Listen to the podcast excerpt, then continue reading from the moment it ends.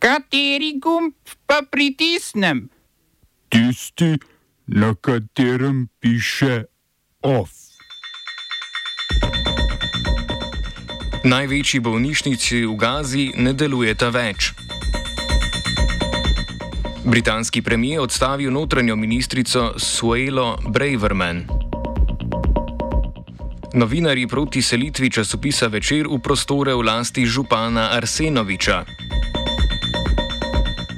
Krška nuklearka bo elektriko začela proizvajati konec tedna.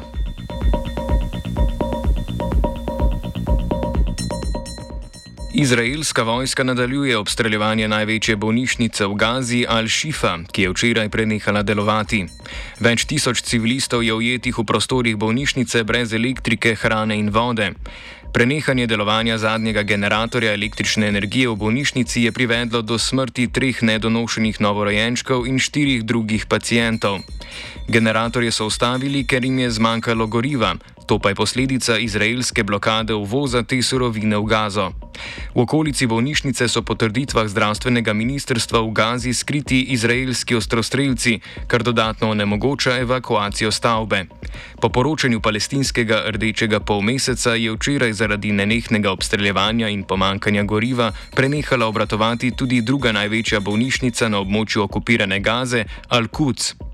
Izraelska vojska seveda ustraja, da pod stavbami bolnišnic delujejo štabi islamskega odporniškega gibanja Hamas.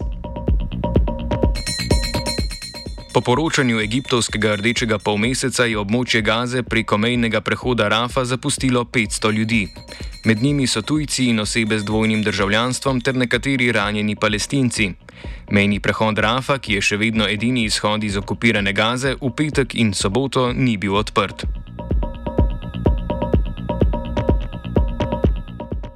Ameriška vojska je izvedla zračna napada na objekte v vzhodni Siriji, ki ju po ameriških trditvah uporablja iranska revolucionarna garda. Na ameriškem obramnem ministrstvu trdijo, da je to odgovor na napade na ameriške vojake v Siriji in Iraku. Gre za tretji napad v zadnjih dveh tednih, ki so ga ameriške sile izvedle nasilje v Siriji.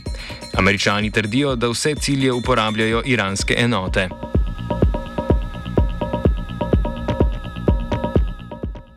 Britanski premijer Rishi Sunak je odstavil notranjo ministrico Suelo Braverman. Kot razlog so v Sunakovem kabinetu uradno navedli preoblikovanje vlade pred splošnimi volitvami naslednje leto. Pritiski na premijeja naj odstavi ministrico so dosegli učinek potem, ko je Braverman v časniku The Times protestnike, ki opozarjajo na genocid v Gazi, označila za pro-palestinsko drhav, policijo pa je obtožila, da je do levičarskih protestov preveč popustljiva.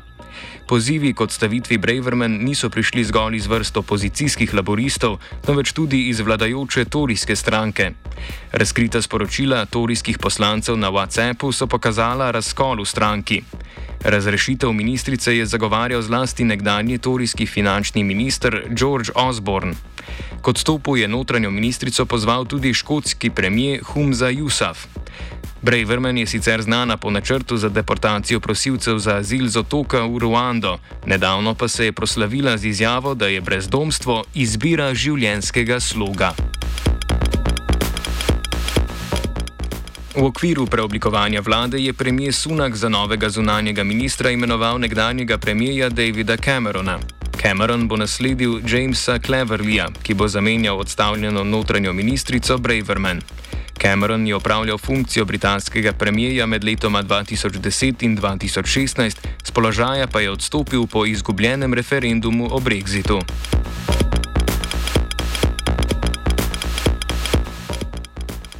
Portugalsko državno toživstvo, ki je zadolženo za preiskavo premijeja v odstopu Antonija Košte, je priznalo napako v prepisu zvočnih posnetkov prisluškovanih telefonskih pogovorov.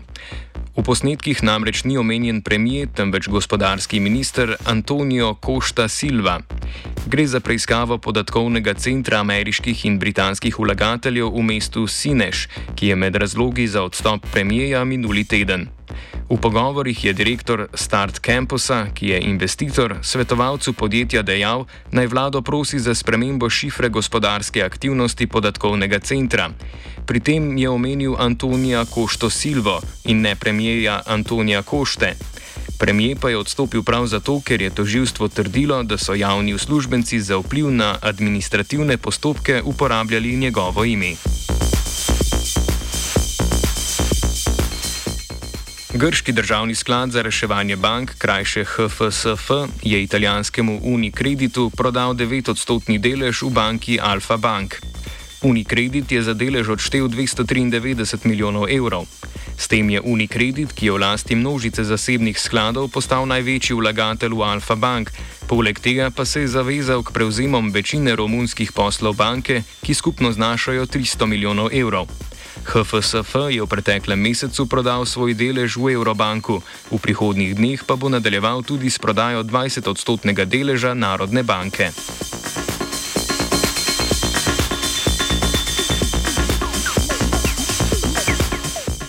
Združenje kmetov v Srbiji je začelo s protestnimi blokadami cest po vsej državi. Protest organizirajo štiri kmetijska združenja: Inicijativa za obstanek srpskih kmetov, Zveza kmetijskih proizvajalcev Subotice, Zveza združen kmetov Banata in Zveza kmetov Radac. Kmetje menijo, da država ni izpolnila vseh točk sporazuma, ki ga je kmetijsko ministrstvo s sedmimi kmetijskimi združenji podpisalo maja. Kmetje zahtevajo subvencije v višini 300 evrov na hektar obdelovalne zemlje in ukrep, ki bi jim od začetka prihodnjega leta zagotavljal dizel brez trošarin. Kmetijska ministrica Jelena Tanaskovič je kmete povabila na pogovore, proteste pa je označila za politično motivirane. Smo se osamosvojili, nismo se pa osvobodili. Naslednje število je še 500 projektov izpiljene modele, kako so se strani nekdanje LDS rotirali. Ko to dvoje zmešamo v pravilno zmes, dobimo zgodbo o uspehu. Takemu političnemu razvoju se reče udar. Jaz to vem, da je nezakonito, ampak kaj nam pa ostane? Brutalni obračun s politično korupcijo.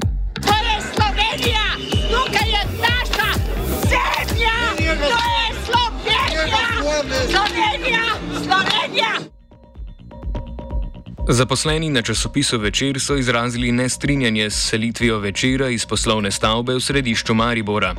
V izjavi, ki so jo podpisali uredniški odbor večera, svet delavcev, aktiv društva novinarjev, zastopstvo uredništva večera in sindikat Pergam, so navedli, da je zgradba, v kateri deluje uredništvo časopisa, prepoznavna kot neločljiv del medijske identitete. Poleg tega so prostori galerije Gospodska, kamor uprava namerava preseliti večer, v lasti mariborskega župana Saše Arsenoviča. Po mnenju novinarjev je selitev v prostore v lasti župana udarec za uredniško neodvisnost in kredibilnost. Po besedah Roka Kajzerja, predsednika aktiva Društva novinarjev Slovenije na večeru, selitvi nasprotujejo soglasno. Nasprotujemo nameri o selitvi večera iz poslovne stavbe v ulici Slovenske osamosvojitve v prostore podjetja Galerija Gospodska v Mariboru. Ocenjujemo namreč, da je napovedana selitev nespremljiva. Ključni argument soglasnega nestrinjanja naštetih zastopstev na večeru je trdno prepričanje, da bodo negativne posledice in s tem cena selitve za medijsko hišo večer bistveno večje od pričakovanega prihranka in zmanjšanja stroškov. Pripričani smo tudi, da je selitev v poslovne prostore Galerije Gospodske vsaj dvojno negativna in nedopustna. Prvič zato, ker je zgradba, v kateri deluje uredništvo večera, prepoznavna kot neločljiv del medijske identitete. Drugič pa zato, ker so prostori, v katere nameravajo kot najemnika vseliti večer v lasti aktualnega župana mestne občine Maribor Saša Arsenoviča. Nekdanja lastnika večera Uroš Hakl in Saša Todorovič, od katerih so pred dvema letoma večino imetja večera odkupila podjetja v krogu medijskega mogoca Martina Odlaska, sta stavbo, v kateri domuje večer, prodala leta 2021. Od takrat je častnih prostore najemal, a najemna pogodba se izteka z letošnjim letom. Zaposleni poslovodstvo in lastnike pozivajo k ponovnemu razmisleku o selitvi. Danes se je sestavil tudi zbor zaposlenih večera in je tako kot večerove organizacije tudi on izrazil pričakovanje od poslovodstva in lastnikov, da še enkrat premislijo svojo odločitev in da storijo vse, da ostanemo v obstoječi stavbi. Zbor pa je hkrati sprejel tudi stališče, naj se aktivnosti v primeru, da ne bo posluha za naše opozorila, nasprotovanja stopnjujejo. Naše stališča so danes podprli tudi Sindikatu novinarjev Slovenije in Društvo novinarjev Slovenije. Zlasti pomemben pa se nam zdi povdarek iz stališča Društva novinarjev Slovenije, da ogleda kakovostnega medija ni vredno zapraviti zaradi težnje po prihranku, Posledice odločitev pa bi veljalo v občutljivih časih za medijski trg še posebej dobro premisliti. Nižanje stroškov ne more in ne sme biti edina strategija, ki jo izdajatelji medijev zmorejo. Iz jedrske elektrarne Krško so sporočili, da bo elektrarna energijo začela proizvajati konec tedna. Elektrarno so preventivno ustavili v začetku oktobra zaradi puščanja na cevovodu primarnega sistema. Potem so zamenjali celoten cevovod, poleg tega pa še cevovod na liniji, ki obkroža osrednji del reaktorja. Pretekli teden so 121 gorivnih elementov iz bazena za izrabljeno gorivo prestavili nazaj v reaktorsko posodo, zaprli primarni hladilni krog in ga ponovno napolnili z vodo. Zagon reaktorja bo odvisen od pozitivnega mnenja neodvisnega nadzora. Ministrstvo za okolje je pred tem v javno razpravo poslalo osnutek resolucije o dolgoročni miroljubni rabi jedrske energije. V osnutku prepoznavajo strateški pomen izgradnje drugega bloka krške nuklearke za dolgoročno in zanesljivo oskrbo države z električno energijo in za prehod v nizkooglično družbo.